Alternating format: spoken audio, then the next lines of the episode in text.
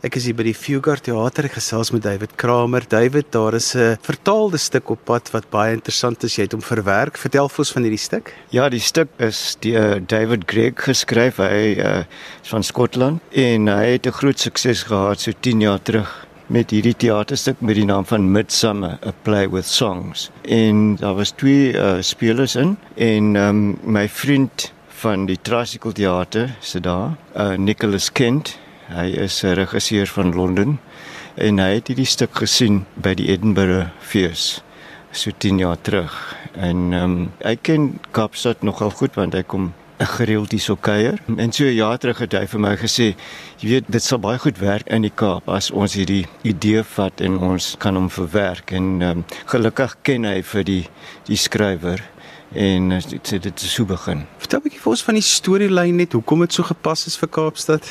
Kyk, dit speel af oor 'n naweek in Edinburgh, oor die midsummer soos hulle sê. Ehm um, hierdie paartjie ontmoet mekaar in 'n kroeg iewers. Jy weet dit, dit is een van daai tipiese romantiese komedies. Ja, sy is 'n lawyer, ehm um, divorce lawyer.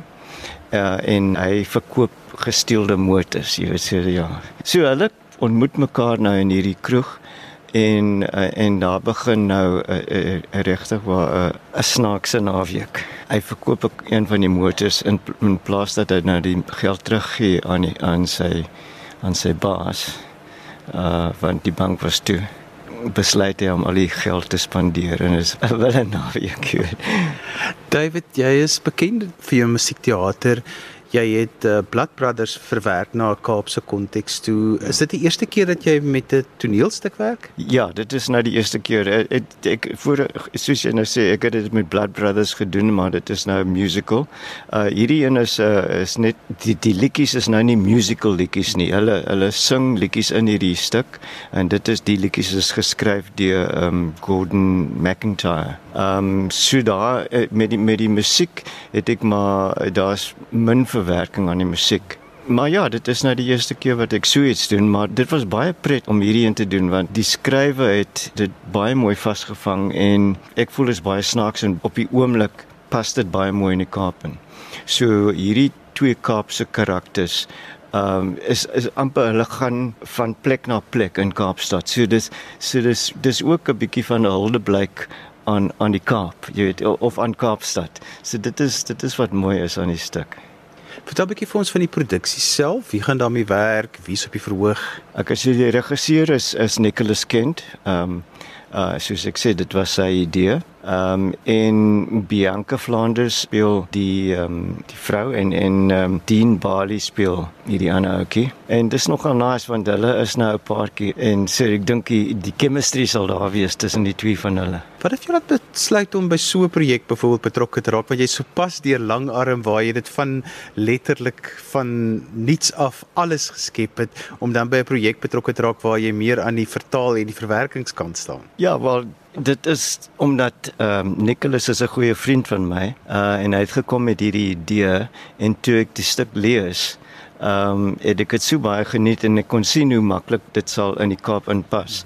Ehm um, so dit was vir my lekker. Ag net jy weet dit is net 'n dit was amper soort van ag Kom ons probeer maar net en ehm um, toe verwerk ek so 25 bladsye van die stuk en toe gaan uh, Nicholas terug uh, na David Gregg toe en hy wys vir hom wat ek geskryf het en hulle is heeltemal gelukkig daarmee en toe kry ons die regte om dit te doen. Uh, van my kant af is dit amper soos uh, dit was 'n uh, 'n oefening vir my, jy weet, amper om om so iets te doen.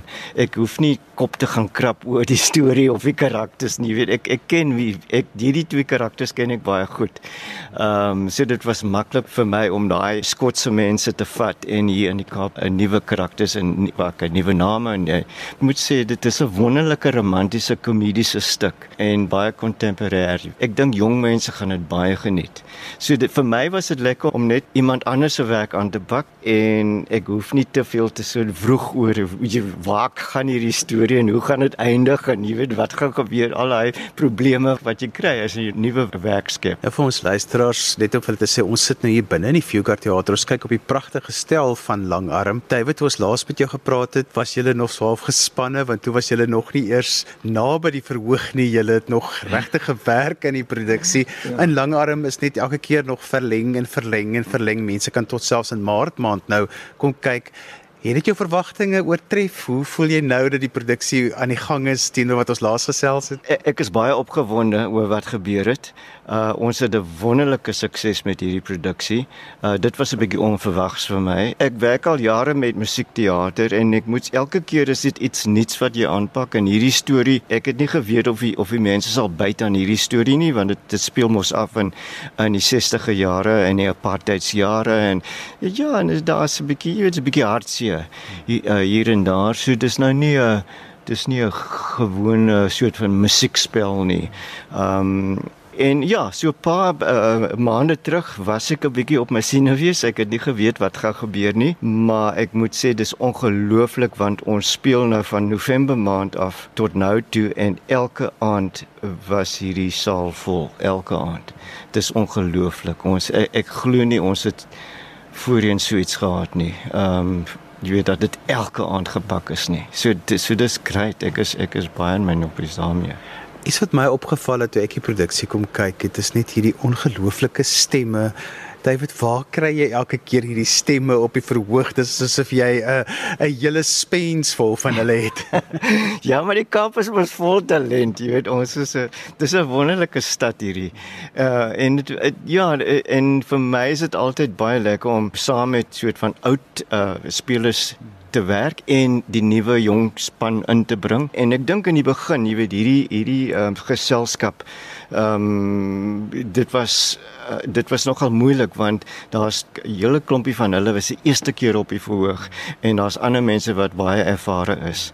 Uh soos uh, Elton Landru en uh, Kim Louie en en uh, Pierre Nelson en die die die mense. Maar vir my was ek dink die lekkerste hiervan is dat ek het uh, Kim Louie toe sy nog op skool was, het ek haar kan ek sê ontdek. Uh en sy het 'n rol gespeel uh, in Poison. Toe ons Poison gedoen het met die Mus uh, Volkswagen Music Active program en sy was 17 jaar oud.